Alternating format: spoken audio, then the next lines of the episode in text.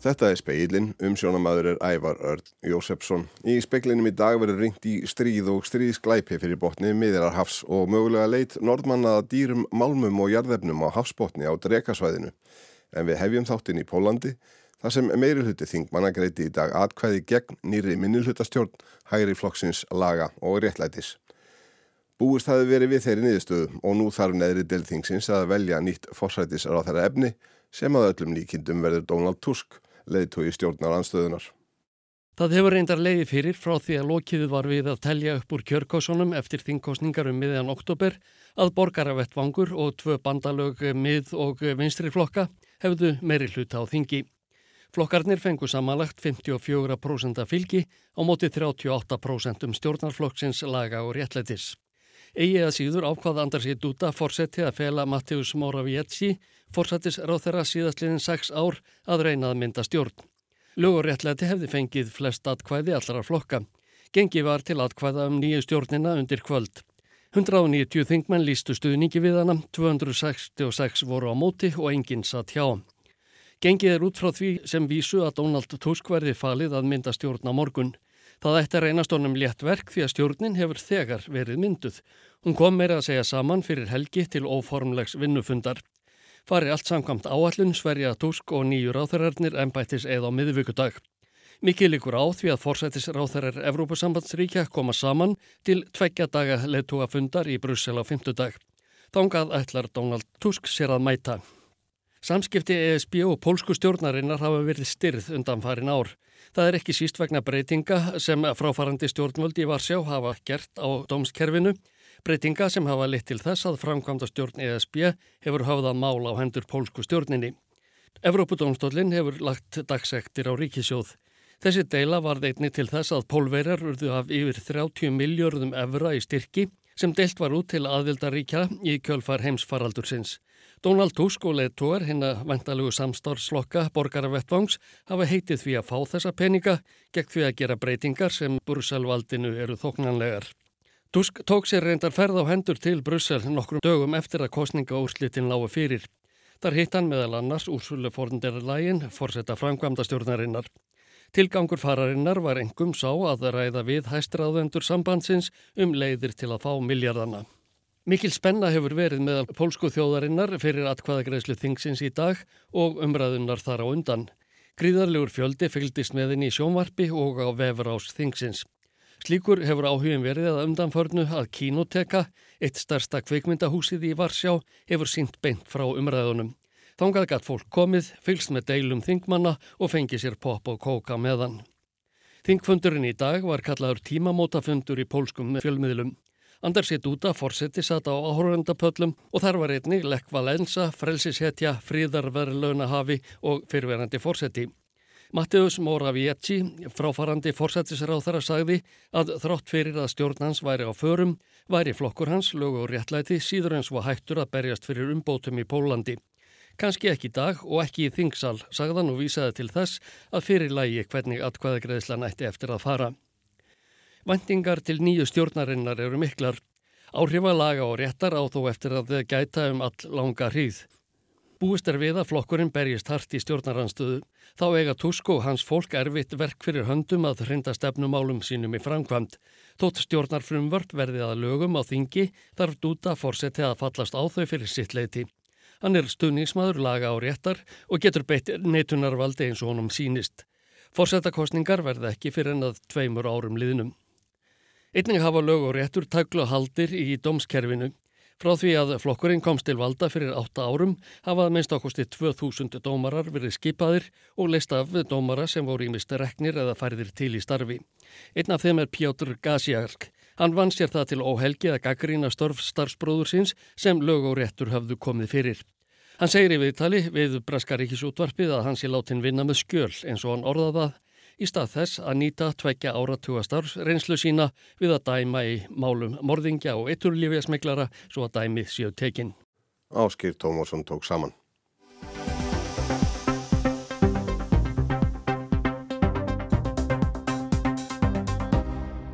Já, það er mjög algengt að fólk hugsi um þjóðaréttin eins og bara okkar íslenska innlendaréttakjöfið. Það sem að eru settar almenna reglur og þeim er síðan framfyllt svona nokkurt megin jamt yfir alla.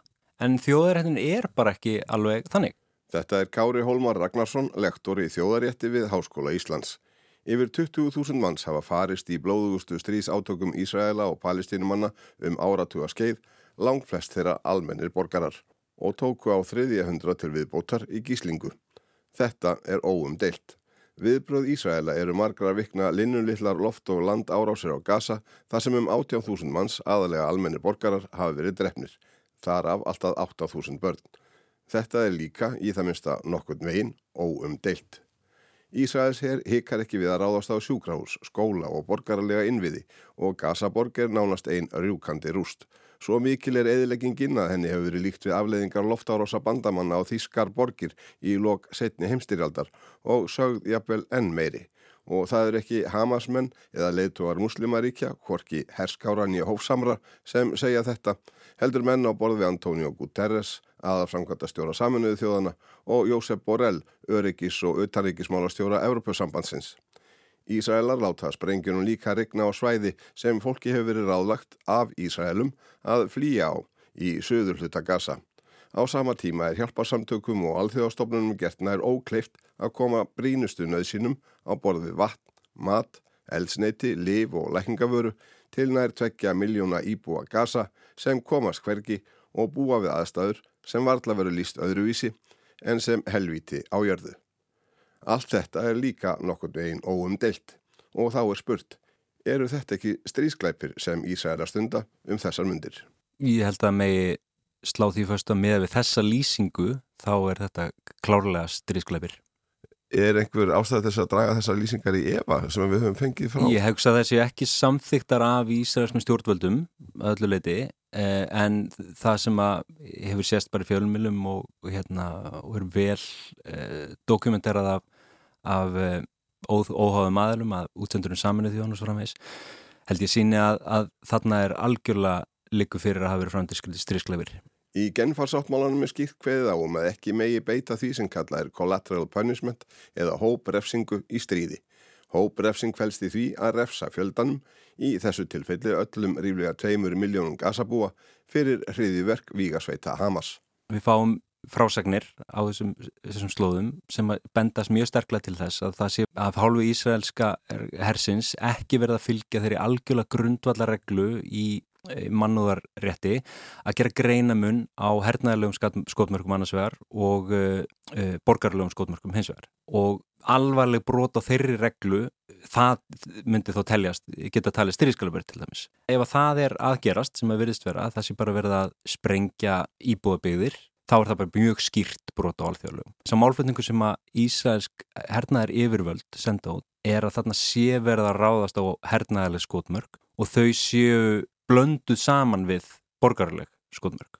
E, það séu hermenn Hamas haldist sig í hérna, kellaranum á spítulum eða haldist sig í skólum eða eitthvað slíkt, séu svona blandaðir inn við almennaborgara og það er líklega rétt að ykkur að þess að þannig hefur Hamas eh, komið sér fyrir og líka bara vegna þess að, Gaza er þessi rosalega þjætt byggði staður. Þannig að allt er bara ofan í hvert öðru virðist vera sko þá má spyrja sig, ég meina hvað segja alþjóðalegu um það, má þá sprengja slíka staði? Og svarið er eitthvað litið já sko að það sem þess hérna slík skotmur geta talist lögumætt ef að það er rétt að það sé verið að nota borgarlega byggingar sem hernaðarlega byggingar þá getur ykkur verið til ykkur verið sem réttlætalegt að ráðast á þær. En það þarf að meta í rauninni hvert skotmark fyrir sig að hvort að hernaðalegt mikilvægi sé næjanlegt til þess að réttlæta þá eitthvað, eitthvað hliðar hérna e, afurðir, það er að segja collateral damage, það er að segja einhverjir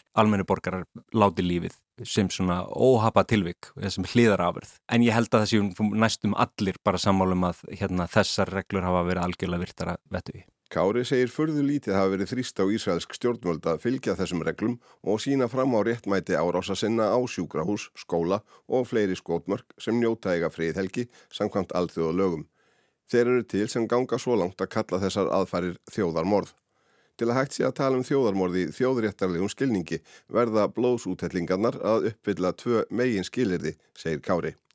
Annað þeirra er hlutlagt og þá er oftast miða við drápa á fjölda fólks eins og hér er sannlega raunin og hins vegar huglægt skilirði um ásetning um að eigða tilteknum hópi af fólki. Oftast er erfitt að sanna þennan ásetning að sög kára og það á líka við hér. Þótt sannlega megi finna yfirlýsingar ísraelskra valdamanna sem bendi sterklega til þess að ásetningurinn sé að útrýma ekki aðeins bardagasveitum Hamas heldur öllum gasabúum sérstaklega stuttu eftir þessar ræðilega árás á 7. óttúber að þá komu tiltegnir hátsetnið til Ísælski stjórnmálum er bara fram og, og sögðu nú er þið engum hlýft og það myndi bara hérna vera gerð allserjar árás og öllu eitt þarna á gasa og það rýmar bara mjög vel við þennan ásetning til þjóðamórs en síðan er svona önnur hlið á því sem kemur frá Ísælskum stjórnvöldum sem að er meira fókusirð á að segja hér er verið að hérna, hér var verið að ráðast og þennan e, hátsetta yfirmann í Hamas og daginn eftir verða ráðast á, á þessa sellu frá Hamas og eitthvað slíkt sem að rýmar þá ekki mikið við þessa þjóðarmórds ásendings heldur frekar við eitthvað svona, hernaðarakri gegn hernaðilegum skotmörkum og um þetta er fólk ekki samála og hérna það eru mjög margir sérfræðingar til dæmis innan saminu þjóðan sem hafa núna um langt skeið sagt að þarna sé annarkvært yfirstandandi þjóðamórð eða mjög mikil hætta á að þjóðamórð muni eiga sér stað. Sumir hafa gengið ennþá lengra og segja að það sé bara í gangi, aðrar hafa gengið aðeins skemur og sagt það er ekki alveg, við getum ekki alveg sagt að það sé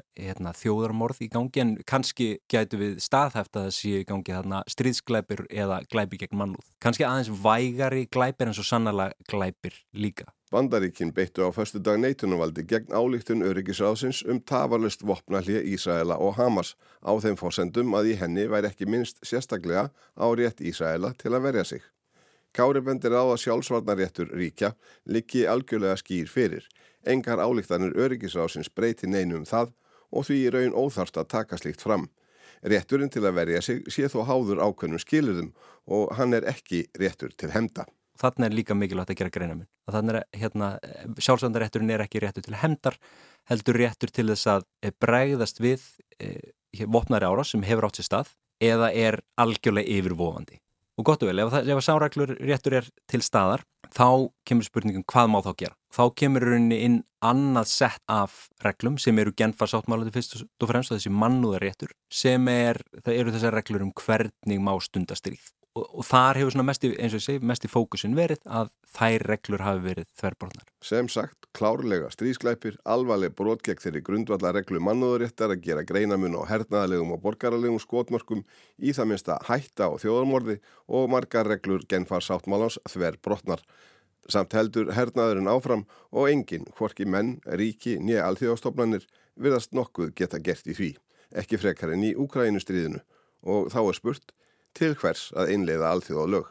Já, það er mjög algengt að fólk hugsi um þjóðaréttin eins og bara okkar íslenska innlendaréttikjöru. Það sem að eru settar almenna reglur og þeim síðan framfyllt svona nokkurt meginn jamt yfir alla.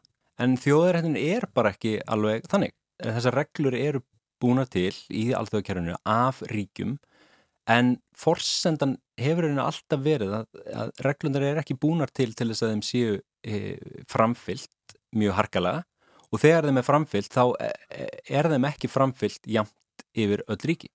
Og það var algjörlega sko forsenda þess að þetta kerfi hafi orðið til eftir setni heimstyrluna að e, það væru tilteknar þjóðir, tilteknar ríki sem að væru bara ekki með sama hætt og aðrir undir þessum, þessum reglum. Er þetta þá ekki bara handónið kerfi? Já, í samabröð við hvað? Forsendan var, það þýðir, saminnið þjóðunar hefðu ekki orðið til nema vegna þess að ríkin 5 fengu hérna neitunumvaldi í öryggislöfnu, annars hefðu við ekki haft neina saminnið þjóðunar. Þannig að maður er alltaf að hugsa sig að ég meina er betra að hafa reglur sem eru, eru til, þeim er framfyllt oft, ekki alltaf og þeim er ekki framfyllt jamt en þeim er framfyllt stundum og er gera gagn en þeir eru ekki fullkomnar eða, ég meina, hvað hefðu við annars? Við vitum það ekki, en kannski hefðu við bara ekkert. Sæði Kári Hólmar Ragnarsson.